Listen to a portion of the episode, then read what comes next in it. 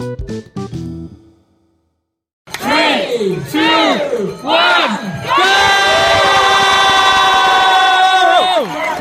selamat datang kembali di Relay Podcast. Uh, guys, Chris, Om Nizar, uh, jadi nanti kalau misalnya gue ngomong Relay Podcast, kalian nimpalin dengan recehan lari ya, oke? Okay? Oke. Okay. Biar rapi okay, gitu. Okay. Kita udah episode ke berapa nih? Masa belum rapi juga? Iya, kita kan apa adanya. eh, makanya ini biar rapi dikit aja, please, okay, please. Siap, ya. siap, siap. Oke, okay, okay, ya. Okay. Yeah. Selamat datang di Relay Podcast. Recehan lari ye. Gue nggak bisa paksain sih. Oke. Oke, selamat datang kembali. Kali ini masih tetap bersama gue Angga, kemudian ada Nizar di sini. Oke, kami masih bertiga dan syukur alhamdulillah kita udah di episode kesekian rasanya udah episode keempat dan kita juga nggak nyangka kita bisa sekonsisten ini untuk terus nge-record podcast gitu buat teman-teman bisa dengerin. Nah, untuk kali ini kita udah kedatangan tamu. Nih, jadi kita udah kedatangan tamu yang mau kita gali-gali mengenai story-nya seperti apa. Benar nggak, Chris, Om Nizar? Iya, iya. Betul ya, banget. Ya. Nah, alasan menjadi kenapa kita mau undang si bintang tamu kita malam ini adalah kita tertarik dengan postingan Instagramnya. Nah, sebelum ya. kita menyapa bintang tamu kita ini, gue mau baca ini captionnya seperti apa sih di Instagramnya. Mungkin beberapa pendengar ada yang bisa ngeh, oh ini si ini nih gitu, captionnya si ini nih. Nah ini gue mau bacain. Uh, jadi nanti teman-teman bisa dengar nih, kenapa kita pilih topik ini. Kurang lebih seperti ini ya. Suatu sore ketika saya akan membeli bahan makanan di Indomaret.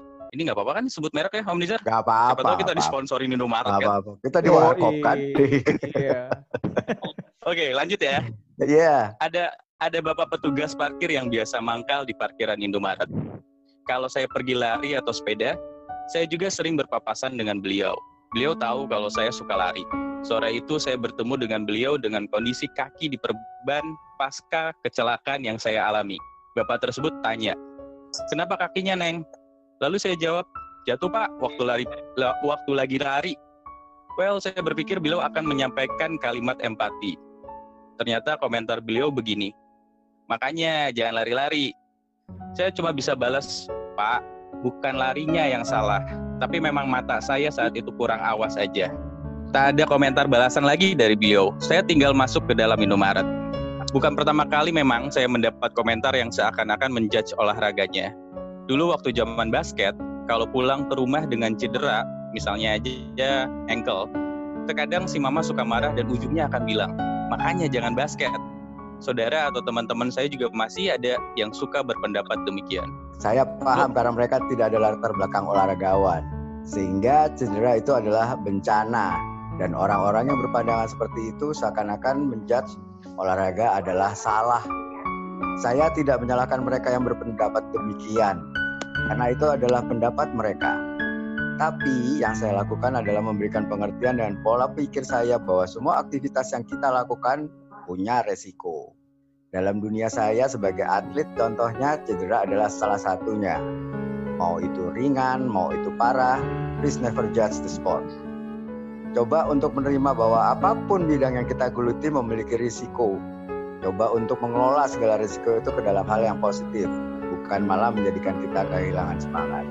Coba juga untuk memberikan pengertian kepada keluarga, bahkan orang di sekitar kita dengan baik-baik, bukan dengan nada tinggi ataupun memaksakan pendapat kita. Don't judge, embrace it. Hashtag trail running, hashtag woman who fly, woman hashtag who fly. time to fly. Time to fly. Oh. Uh, nah, itu udah, udah iya. jadi kisi-kisi ya. Kira-kira siapa nah, tahu kita, kita ya kita kasih kali ya sedikit clue kita lagi. Kasih. Nah, jadi tamu kita ini seorang Sri Kandi wanita Indonesia, seorang profesional trail athlete yang dikenal dengan plant-based athlete. Jadi makanannya tuh tumbuh-tumbuhan Om sama Angga. Iya. Yeah. Dan Sri Kandi kita ini dia juga berhasil memenangkan Asia Trail Master di tahun 2018. Udah gitu, kalau pakai baju lari nih, Om, enggak Ya, oh, ya, ya, itu sponsor ada di mana-mana, ya. di bajunya lengkap ya. rame sampai nggak tahu lagi itu baju sebenarnya isinya tulisan semua atau ada warnanya sih gitu kan. Nah yeah. itu tulisannya mulai dari Kompres Sport ID, Hoka One One, Suunto, Unifat, Simple Hydration Bottle, Golf Plus, Suka Sambilan, sama TA. Nah, siapa lagi kalau kalau bukan Ruth Teresia? Yeay. Ali Ali Ali. Halo halo. Hai Ruth. Nizar, alat Oji. Kalau enggak kita nih uh, benar-benar benar-benar uh, apa namanya uh, diskusiin ini berdasarkan dari yang kapan namanya captionnya Ruth di Instagram karena cedera itu salah satu yang sering terjadi nggak nggak bukan atlet aja tapi yang suka olahraga yang penikmat lari ya. lah, ya. penikmat apa, sepeda, semua kali ya kayak gitu. Gitu ya, Gak ya? Ya, betul, Om. Jadi kita mau nanya nih dari Ruth, kira-kira cedera itu kan jadi positifnya gitu kan. Nah, apa yang bisa dijelasin dengan positifnya ya. sih sebenarnya? Iya, jadi kalau yang aku lihat mungkin uh, orang menganggap itu cedera itu suatu hal yang merepotkan gitu ya. Jadi hmm. ketika misalnya kita olahraga aja tiba-tiba ujung-ujung pulang-pulang bukannya saya apa yang tadinya berangkat sehat kok pulang-pulang ada apa-apa nih tiba-tiba biru-biru lah pincang-pincang uh. tapi kan olahraga tuh maksudnya tapi kenapa jadi malah datang pulang-pulang jadi begini kan terus ya dianggapnya kayak suatu hal yang merepotkan gitu. Padahal kan ya namanya juga orang olahraga ya. Semua hmm. kegiatan, hmm. jangankan olahraga gitu, semua kegiatan yang kita lakukan ada resikonya kan. Terus, uh, nah, terus beru- ya itu sih ya pokoknya uh, jadi, jadi ya sebisa mungkin ya orang kalau ketika olahraga ya ya juga harus tahu resikonya kayak gimana kena cedera misalnya olahraga lari bisa cedera apa segala macam jadi hal itu sih yang sebenarnya perlu kita edukasi ke orang-orang yang menganggap ketika kita olahraga malah jadi cedera malah kebanyakan nyalahinnya olahraganya gitu kan gua okay.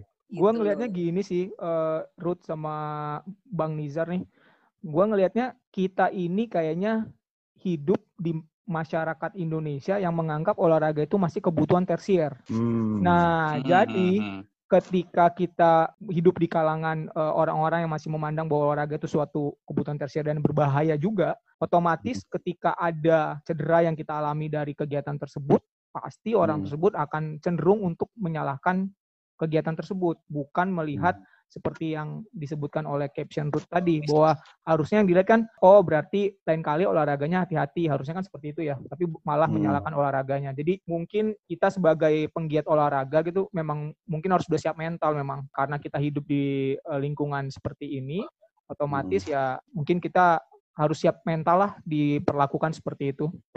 Pasti ya. semua lu pada ini kan pasti ada hmm. pengalaman lah masing-masing ya kayak gitu-gitu. Uh, uh, uh. Tapi juga ini lanjutin yang Chris nih, uh, Ruth, hmm. Angga. Kalau kebutuhan tersir mungkin karena memang dari orang tua kita ya kali ya kayak gitu ya.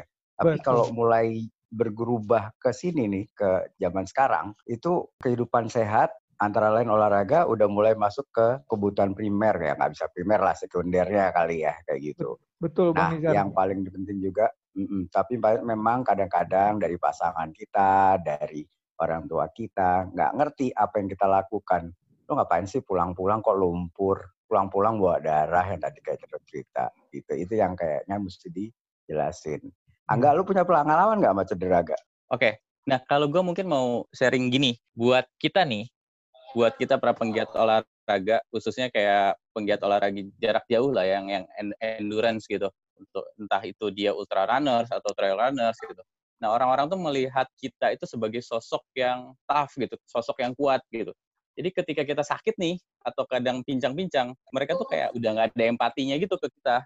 Lebih ngelihatnya kayak, loh, ini orang kan udah biasa jauh atau udah lari berjam-jam. Lah, kok gini aja manja sih sampai sampai seperti itu. Bahkan kalau gue sendiri sih, kalau tadi Om Nizar nanya pengalaman gue cedera seperti apa, gue sih ya alhamdulillah nggak pernah ngalamin cedera yang sampai akhirnya nggak bisa e, membuat gue misalnya sampai nggak bisa jalan sama sekali nggak pernah gitu. Maksudnya yang, yang kaitannya sama cedera yang didapat ketika olahraga. Nah tapi gue punya pengalaman nih, gue mau cerita sedikit gitu. Kayak di tahun 2019 itu kan mungkin uh, Om Nizar, Chris tahu kan gue nggak lari sama sekali kan ya? Iya. Iya, iya, iya. Itu gue tuh karena gue kena autoimun tuh.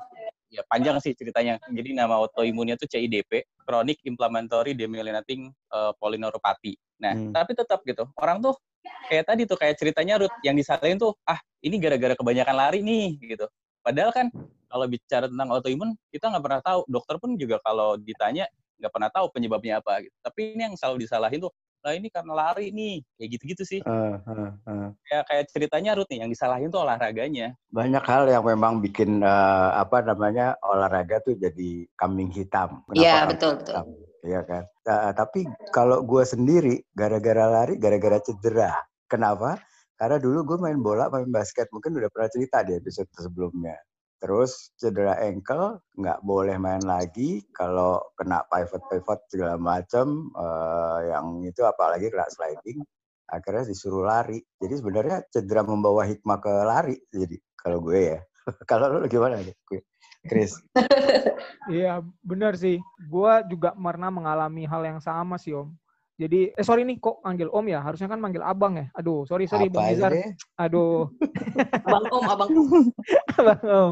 Nah, jadi eh, yang pernah gue alamin sama. Jadi waktu itu, yang waktu gue di Filipina, jadi gue pernah waktu itu roll ankle gue tuh parah banget kan Om. Jadi waktu lagi hmm. turunan, gue hmm. biasa lah masih jiwa muda, turunan, main ngajar gaspol aja, nggak tahu kalau misalkan pas nginjek itu, nginjeknya batu yang dia mungkin nggak nggak stable jadi rolling gitu hmm. nah itu rolling hmm. rollingnya parah sih itu parah banget jadi sampai aku jalan aja itu nggak nggak bisa gitu saking parahnya hmm. si roll ankle-nya nah sama hmm. waktu datang ke kantor dengan kaki terpincang-pincang gitu kan pakai perban hmm. sama disalahinnya gitu kenapa nih habis lari ya Nah itu makanya jangan lari sama. Iya kan? Jadi memang. Iya kan?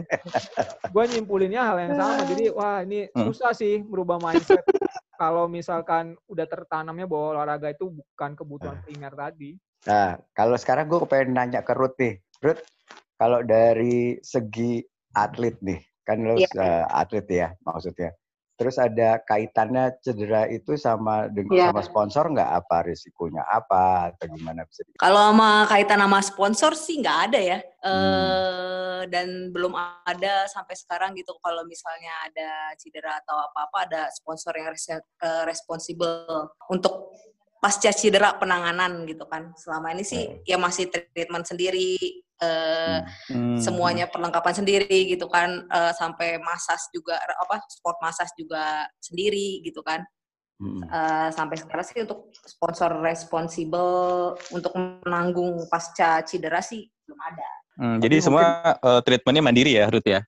sendiri. Cuma waktu hmm. itu pernah ada sekali ya, by project sih waktu itu mau ke UTMB jadi uh, ada Evo Visio namanya ya ada kerjasama hmm. lah tapi nggak jangka panjang. Hmm. Tapi ya memang apa ya? Uh, tapi kan sekarang kalau untuk penanganan cedera gitu kan udah banyak ya kayaknya. Iya uh, benar banget. Orang-orang uh, bahan-bahannya sekarang udah banyak ya. Nggak kayak hmm. dulu gitu kan cedera tuh mesti ngapain. Dulu tuh karena gue dari kecil udah aktif banget kan main basket hmm. gitu kan Uh. Maksudnya udah pengalaman juga gitu kalau misalnya setiap basket ada ankle gitu kayaknya emang orang tua uh, terutama terutama nyokap gitu kan dia kayak mungkin worry uh. tapi uh, uh. jadi penyampaiannya lebih ke ya udahlah lebih baik menghindari olahraganya kita supaya nggak yeah, kenapa-kenapa yeah. gitu padahal mah nggak seperti itu kan maksudnya kan ya gimana kita menjelaskan ke orang yang aw, yang awam tentang olahraga cedera olahraga gitu kan um, kita menjelaskannya ada ada juga malah beberapa teman malah jadi down malah nggak mau olahraga olahraga lagi gara-gara gara-gara gue cedera nih gitu. Ya bener sih kekhawatiran orang tua itu kan kadang-kadang yang keluar aja hai, dari mulutnya. Ya bener sih, uh, kalau sekarang sih kayaknya kalau bicara tentang treatment cedera sih udah udah banyak lah. Maksudnya sekarang juga tempat-tempat fisioterapi juga udah banyak. Kalau dulu mungkin kita cedera paling banter ya nyari tukang urut, bener gak sih? Iya bener, gue inget banget. Gue pertama kali ya gue cedera ankle di, di ankle itu itu dibawanya ke mana tau nggak? Mm-hmm. Ke ini yang pijet-pijet tunanetra gitu. yang which is, ya iya which is dia nggak tahu sebenarnya uh, harus diapain yang kayak pijet-pijet apa tuh namanya? Yang zaman-zaman dulu tuh yang iya, tradisional tradisional. Iya, pakai kaleng ya, tukang pijetnya.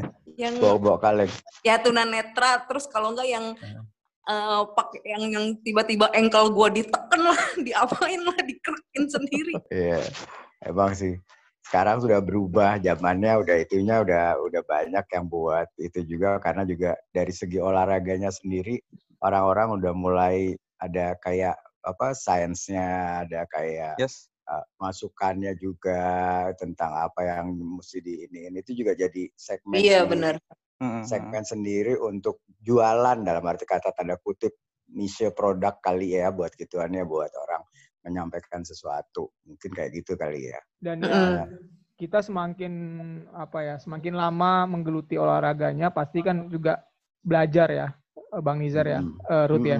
Kita belajar, kita yeah. pelajari hal-hal apa aja yang harus kita lakukan setelah berlari gitu. Jadi uh, part of recovery-nya. Jadi kayak mungkin ada yang bowling, ada yang rolling gitu kan ya. Jadi hmm. dulu mungkin kalau kita masih awal-awal uh, melakukan olahraga lari kita nggak aware sama begitu-begituan tuh. Tapi begitu yeah. sudah semakin yeah. lama kita menggeluti olahraganya, kita semakin aware bahwa kita butuh itu. Apalagi uh. intensitas berolahraganya semakin tinggi, otomatis kita butuh itu. Jadi semakin kita akan sadar akan hal itu, jadinya sekarang mungkin kita lebih bagus kali ya ininya uh, memanage apa uh, otot kita setelah berlari supaya tidak mengalami cedera gitu ya. Yang gue bingung tuh kalau ngeliat uh, postingannya Ruth bilangnya cedera, terus tahu-tahu nggak lama kemudian dia udah mulai latihan lagi. Itu gimana sih Ruth? Quick recovery ala Ruth? Recovery, sebenarnya kalau ini kan masih tahap recovery ya. Jadi ini masih uh, recovery-nya dari pasca cedera kemarin. Nah, kebetulan ini kan karena luka luar, jadi ini luka robek. Uh, uh, yang jelas uh, karena kemarin dijahit, rest total, itu total banget. Bahkan untuk hmm. setiap kegiatan itu gue dibatasin gitu kan. Terus hmm. uh, kayak yang lari sama sekali nggak bisa, nggak boleh makan bahkan untuk nekut uh, apa nekuk-nekuk lutut itu dibatasin karena ini karena luka luar. Terus hmm. uh, ya selebihnya biasanya sih recovery kayak roller. Terus hmm. gue sport masa sih biasanya, cuman karena pandemik ini ya nggak bisa kan ya, masa lagi hmm. nggak hmm. bisa. Jadi ya gue kebanyakan uh, pakai foam roller lagi banyak-banyakin sama biasanya nih kalau misalnya uh, apa abis latihan gitu biasa sih ice bathing tapi karena lagi nggak ngapa-ngapain jadi off sama sekali ice bathing jadi cuma pakai foam roller aja dan untuk sekitar luka biasanya dikompres gitu sih. Karena foam roller adalah teman kita sel selama hidup kita kayaknya ya. Akrab iya benar-benar item ya masa item lah kalau untuk lari ya Ya, itu kayak yang kayak iya item yang wajib punya sih. Kalau ada dipakai sama anggota keluarga lain terus nggak ketemu itu marahnya kayak nggak ketemu sama dompet. Iya benar. Oke, okay. itu kan dari sisi treatment terhadap fisiknya ya, ya. Gue penasaran mm. nih kalau cara Ruth untuk memanage uh, mental atau secara psikologi itu seperti apa? Karena kan kadang kalau kita cedera tuh kadang ada orang nih yang jadinya bete nggak mau lihat postingan teman-temannya yang lagi lari atau kayak ah gue mending side of Instagram dulu deh gue nggak mau ngeliatin temen foto-foto temen gue. Nah kalau Ruth sendiri seperti apa? Kalau gue sih sebisa mungkin ya kalau ngelihat postingan orang-orang jelas ya gue kayak pengen gitu kan cepetan mm -hmm. uh, segera beraktivitas apalagi kan ini gue selain nggak bisa berolahraga aktivitas di dalam rumah juga kayak dibatasin gitu kan Hmm. Jadi gue nggak bisa yang nekuk, nggak lagi nggak bisa nekuk yang banyak-banyak, uh, lutut harus kebanyakan di dilurusin gitu kan. Tapi ya sebisa mungkin ya gue mau maintain uh, apa semangat gue, mindset gue supaya uh, ya ini ya ini resiko salah satu resiko dan emang yang namanya atlet resikonya cedera gitu. Jadi sebisa mungkin gue mengedukasi diri gue dan mengembrace itu resiko uh, dan membalikkan itu menjadi positif mindset buat gue terus lebih kayak sabar sabar ada waktunya pasti bisa pasti bisa pasti asal jangan bandel pasti pasti bisa gitu. Jadi gue kayak lebih memotivasi hmm. diri gue ke situ sih. Jadi sebenarnya ngegas itu mesti ada remnya ya gitu ya. Iya benar-benar satu lagi Ruth sorry. Sekalian gue tanya nih mumpung sekalian bahas recovery tadi hmm. terus tentang mental juga tentang ini. Boleh ya masuk ya gak ya Nah, satu lagi kalau dengan sponsor dengan adanya lu cedera begitu kan kalau tadi membahas tentang apa namanya treatmentnya ya. Nggak sama sekali benar-benar hmm. dari root sendiri. Cuma maksudnya apakah ada kemungkinan dilihat dari performance ya reviewnya atau apa gitu buat ke sponsor kalau ya cedera atau gimana cuy iya kalau untuk masalah cedera kebetulan banget ya kalau selama lari itu baru dua kali cedera. Yang pertama ITBS dan kedua ini gitu kan. Dan ini uh, jatuhnya kecelakaan gitu sih. Kecelakaan. Jadi waktu ya, itu karena ya. meleng gitu mata terus tiba-tiba uh, jatuh kaki gue kebacok batu. kebacok sih. Jadi luka luar. terus ya, kan, uh, dan golok. dan kebetulan dua kecelaka apa dua cedera yang gue hadapin ini dua-duanya waktu itu udah beres sama uh, race-race gitu. Jadi okay. itu masa uh, masuk masa-masa off season dan hmm. kalau pas uh, selama race gitu kalau misalnya cedera sih kalau untuk dari sponsor gitu mereka nggak ada agreement uh, kalau cedera lo kenapa-napa akan mengurangi point of performance lo mereka nggak ada hal seperti itu sih nggak ada agreement seperti itu jadi kalau gue cedera jadi gue out of jadi dipecat jadi atletnya gitu nggak nggak ada seperti itu sih mereka masih so far mereka masih tetap kasih dukungan support sama sama gue ya so far itu nggak ada yang mengkat tiba-tiba gara-gara gue cedera nih lu kita yeah. lah jadi atlet kita yeah, enggak yeah. nggak langsung lu yeah. jadi berhenti gitu gak kan ya hmm. karena cedera kan oke okay. ya ini kan sebenarnya buat gitu buat iya yeah. buat buat temen-temen yang dengerin juga nih Ruth biar supaya mereka nggak takut nih yang sama ya bukannya lo mesti meleng abis gitu buat lari ngegas aja tapi juga tetap melihat resiko faktor resiko juga.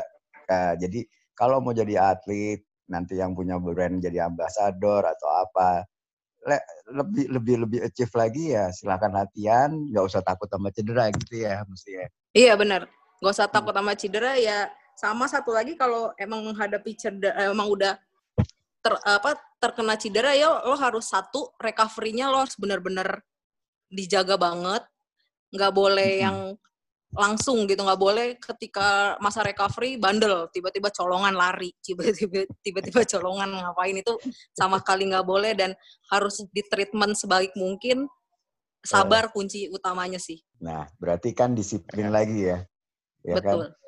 Satu mental tadi kedua disiplin udah deh gak itu yang dipunyain sih gak yang dari mental hmm. dari atlet gak oh, bang Nizar uh, enggak Ya, siap. Gue pengen ya. nanya nih ke Ruth satu. Hmm. Uh, Ruth, kan kalau dilihat nih, Ruth ibaratnya sejak awal dan sampai sekarang itu benar-benar fokus di trail satu. Iya. Yang kedua, ini kan kita topiknya bahas tentang apa namanya injury ya. Nah, hmm. and how people perceive gitu kan, how people look at trail running dan injury itu seperti apa. Nah, kita tahu nih karena trail running itu ibaratnya kita dealing sama sesuatu yang medannya menantang, otomatis resiko cederanya juga lebih gede nih dibandingkan road running. Nah, gimana road me mengatasi pandangan orang-orang terhadap olahraga ekstrim ini gitu. Apalagi kan e, cewek pasti kan daripada yang serem-serem gitu mendingan uh, gua lari yang aman-aman aja gitu. Terus kemudian gimana Ruth tetap istilahnya termotivasi untuk terus berolahraga di trail. Sementara mungkin kalau dihitung-hitung pakai jari dibandingkan dengan road running, yang namanya cewek itu jarang banget tuh lari di trail, which is kan jadi mengur bisa aja mengurangi semangat Ruth untuk berolahraga gitu. Tapi Ruth sendiri tuh tetap bersemangat. Itu gimana Ruth? Boleh share nggak? Boleh. Jadi kalau untuk uh, cewek-cewek nih yang biasanya baru mau oh, nggak harus cewek sih semua orang yang biasanya mau ngetrail gitu kan ya karena kita tahu ini salah satu olahraga ekstrim gue nggak menganjurkan lo harus pilih race yang ekstrim yang teknikal gitu enggak. Jadi kalau lo mau terjun ke olahraga ini ya lo akan betapa bagusnya betapa wise-nya lo cari race yang uh, friendly buat newbie gitu. Jadi ibarat kalau lo maraton gitu kan lo mau ngerot nih lo nggak ujung-ujung tiba-tiba nyemplung jadi ultra road marathoner atau marathoner kan ya kalau yeah, misalnya yeah, yeah. kalau misalnya di trail juga gitu gitu jadi ketika lo hmm. milih race gitu kan ya lo lihat dulu lo harus lihat race-nya hmm. karakternya seperti apa sementara lo baru mau berkecimpung gitu kan ke situ ya dan faktor resikonya menurut gue itu akan lebih besar daripada lo ketika lo ngambil yang jalurnya lebih bersahabat mungkin hmm. jaraknya lebih pendek dulu gitu. Jadi nggak iya. harus yang langsung wah langsung mau ultra, langsung mau ngetrail lima pik gitu kan. Waduh, sementara lu baru baru mau terjun gitu kan dan harus lo pikirin baik-baik itu menu pola latihannya akan berbeda dengan lo ketika mengambil latihan eh, latihan di jalanan gitu kan. Kita tahu kalau hmm. trail itu ada kayak semacam agility trainingnya, bagaimana kita latihan downhill, uphill, seperti itu yang jadi faktor-faktor yang banyak jadi pertimbangan tetap seperti itu tapi dengan tidak mengkesampingkan menak bikin takut orang takut gitu tetap hmm. uh, trail itu ada positifnya banyak lo bisa ngeliat pemandangan lo bisa ke mana-mana ya kan hmm. di situ hmm. sih sisi positifnya tetap ya mengeduket sih lebih mengeduket orang-orang gitu jadi kalau mau ngetrail ya lo nggak harus langsung uh, ul jarak ultra gitu kan kan trail juga ada iya. jarak-jarak pendek gitu kan. Yeah. karena yeah, orang yeah, mindsetnya gini loh kebanyakan trail itu jaraknya harus 50 ke atas gitu. Sementara nggak mau rugi ya? masih ada nih hmm. race-race lokal. Sekarang apalagi kan yang race-race lokal yang jaraknya 20 10 Iya, iya, yang, iya. yang waktu itu eh, gue juga ketemu Om Nizar di Petung itu masih friendly menurut gue untuk untuk uh, orang-orang yang baru memulai trail gitu kan Iya. Kayak gitu sih menurut gue.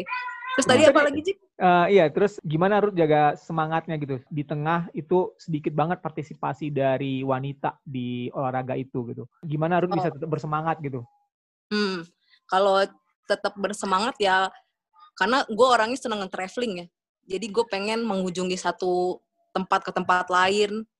Jadi hmm. ketika gue mau ngeres gitu kan, race keluar kota ya gue semangat karena gue suka orang anaknya suka traveling gitu dan hmm. itu menurut gue salah satu hal yang jadi apa jadi pertimbangan gue kenapa gue pengen trail dan di trail juga kita ketemu orang banyak gitu kan ketemu kenalan banyak lah uh, ketemu temen jadi ya seneng aja gitu makanya itu salah paling... satu uh, hmm. penyemangat juga buat gue yeah. gitu biar supaya jalan-jalan uh, jadi gratis malah dibayarin ya tuh. Iya, jalan-jalan. kalau podium oh, kalau podium Bang Nizar lagi kan. Ya, malah dapat pulangnya bawa sangu dia malah. Ya, Bang Nizar, itu ya, siap. gratis nah. kalau misalkan podium Bang Nizar. Kita kan ini gimana lah pelari hura-hura kan Bang Nizar. Kalau beda Marut, udah pasti podium Bang Nizar. Gue juga dulu pelari hura-hura daftar race juga masih pakai duit sendiri. Oke oke oke. Aduh. Nah, ini tapi ini nggak tahu nih. Tadi gue mau nyambung nih. Tadi kan Ruth cerita tentang dia suka traveling. Gue nggak tahu nih, Ruth masih inget atau enggak, Chris juga masih inget atau enggak. Inget nggak kita pas di Samosir, kita oh, ikut oh, yang Ultra Samosir. Samosir. Iya nggak? Yang Samosir. Chris.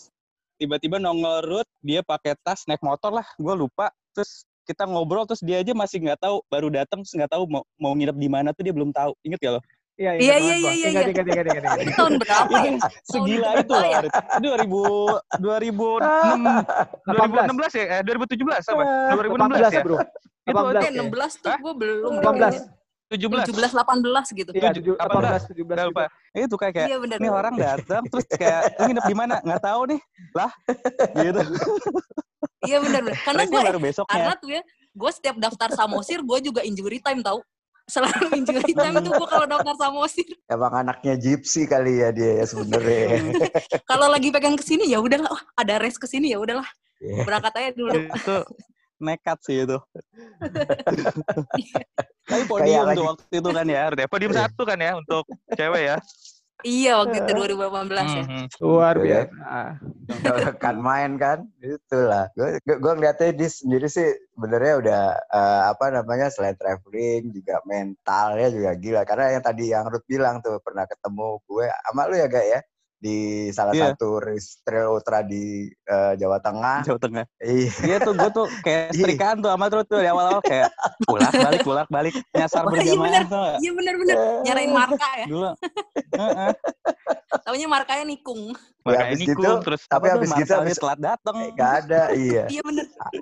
Iya, tapi abis gitu Angga sama Tirvan uh, langsung mundur dari What? race.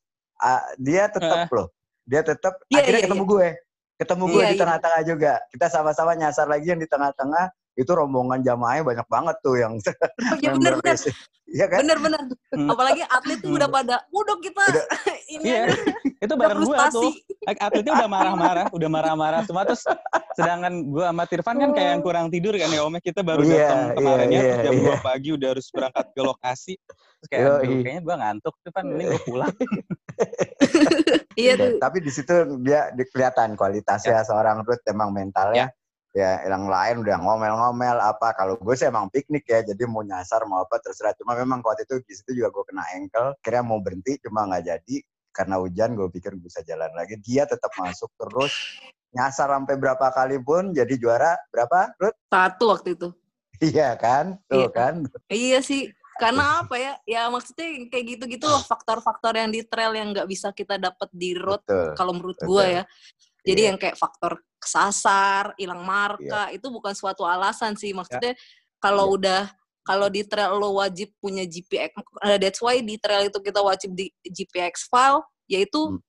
untuk meng apa mengantisipasi yang kalau kita kejadian di lapangan hilang marka nyasar jadi kan kita mau nggak mau hmm. buka GPX file terus cari marka Betul. terdekat dan Betul. menurut gue juga kalau di trail sih kita harus punya apa bekal um, backup backup ya uh, ya sama bekal, bekal ini sih orienteering dan orienteering. survival kalau menurut gua yes. iya kayak gitu-gitu tuh yang kita mesti belajar dari trail supaya kadang-kadang temen-temen uh, gue kepengen ke trail dong cuma karena karena karena ikut dari roadnya terus ke trailnya tapi habis gitu tengah jalan pernah kejadian juga tuh orang di Guntur Gunung Guntur lagi gotran minta sama gue air minum minta sama apa. Ya untung sih gue masih bawa dua gitu. Dia sama sekali nggak bawa loh. Kesannya kayak mau kelari ke Monas.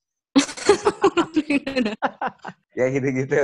Jadi ya, ya, ya emang benar ada backup ada orientering ada segala macam yang mesti memang dijaga. Jangan sombong sama alam kali ya Ruth ya.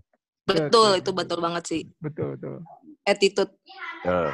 belajar banyak nih dari Ruth bukan hanya cedera mentalnya, hmm. tapi juga kayak giniannya kita juga sama-sama pernah juga barengan sama dia ngalamin hal-hal hmm. yang ajaib tapi lucu-lucu ya kan ya udah memang udah ininya nih udah udah emang udah juaranya di dia deh ya kalau buat uh, trail segala macam buat gitu kan mental amin amin dari gua paling ya satu nilai pelajaran yang bisa kita ambil dari diskusi kita di episode ini bahwa hmm. kita itu tinggal di daerah atau di negara yang masih punya persepsi bahwa olahraga itu merupakan kegiatan yang berbahaya sehingga Betul. kita sebagai penggiat olahraga ya memang harus siap mental gitu kan jangan sampai kita mengalami demotivasi hanya karena mendapatkan apa ya respon-respon negatif tentang kegiatan yang kita lakukan kita belajar banyak nih dari Ruth tadi sharingnya bahwa hmm bagaimana kita mengatasi, menghadapi respon-respon negatif terhadap kegiatan olahraga itu tersendiri gitu. Dan bagaimana iya. Ruth juga menjaga semangatnya agar tetap bisa berolahraga karena memang tujuan kita melakukan ini semua adalah untuk kesehatan dan di samping kalau memang kita ya. jago Ruth nih, ya lumayan nih bisa podium ya Ruth ya podium jadi dapat jalan-jalan gratis ya. juga banyak lah podium. jalan-jalan gratis ya Ruth ya. Hmm. Itu nilai yang bisa kita ambil banget sih dari obrolan kita dengan hmm. Ruth. Di samping juga ya yeah. secara personal Ruth itu memang luar biasa seperti yang disampaikan oleh Bang Nizar dan Angga. Ruth memiliki hmm. kepribadian uh, apa ya? Aku bisa bilang pejuang lah. Pejuang uh, mentalnya hmm. memang baja Warrior lah. lah. Betul. Hmm. Jadi bagi wanita-wanita yang ingin mencari role model untuk trail running Indonesia, udah gak usah pakai bingung deh. Nggak usah pusing-pusing ya. Uh -uh, lihat sering-sering aja kunjungin Instagramnya Ruth lah. Udah itu pasti dapat inspirasi untuk menjadi Sri Kandi mm -hmm. handal di trail running. Gue lupa oh. satu lagi. Apa Dari Ruth itu keistimewaannya satu. Lo mau kayak apa, lagi capek kayak apa, larinya tetap senyum. Wah, itu banget. rule aku number one. Tuh, kan bener?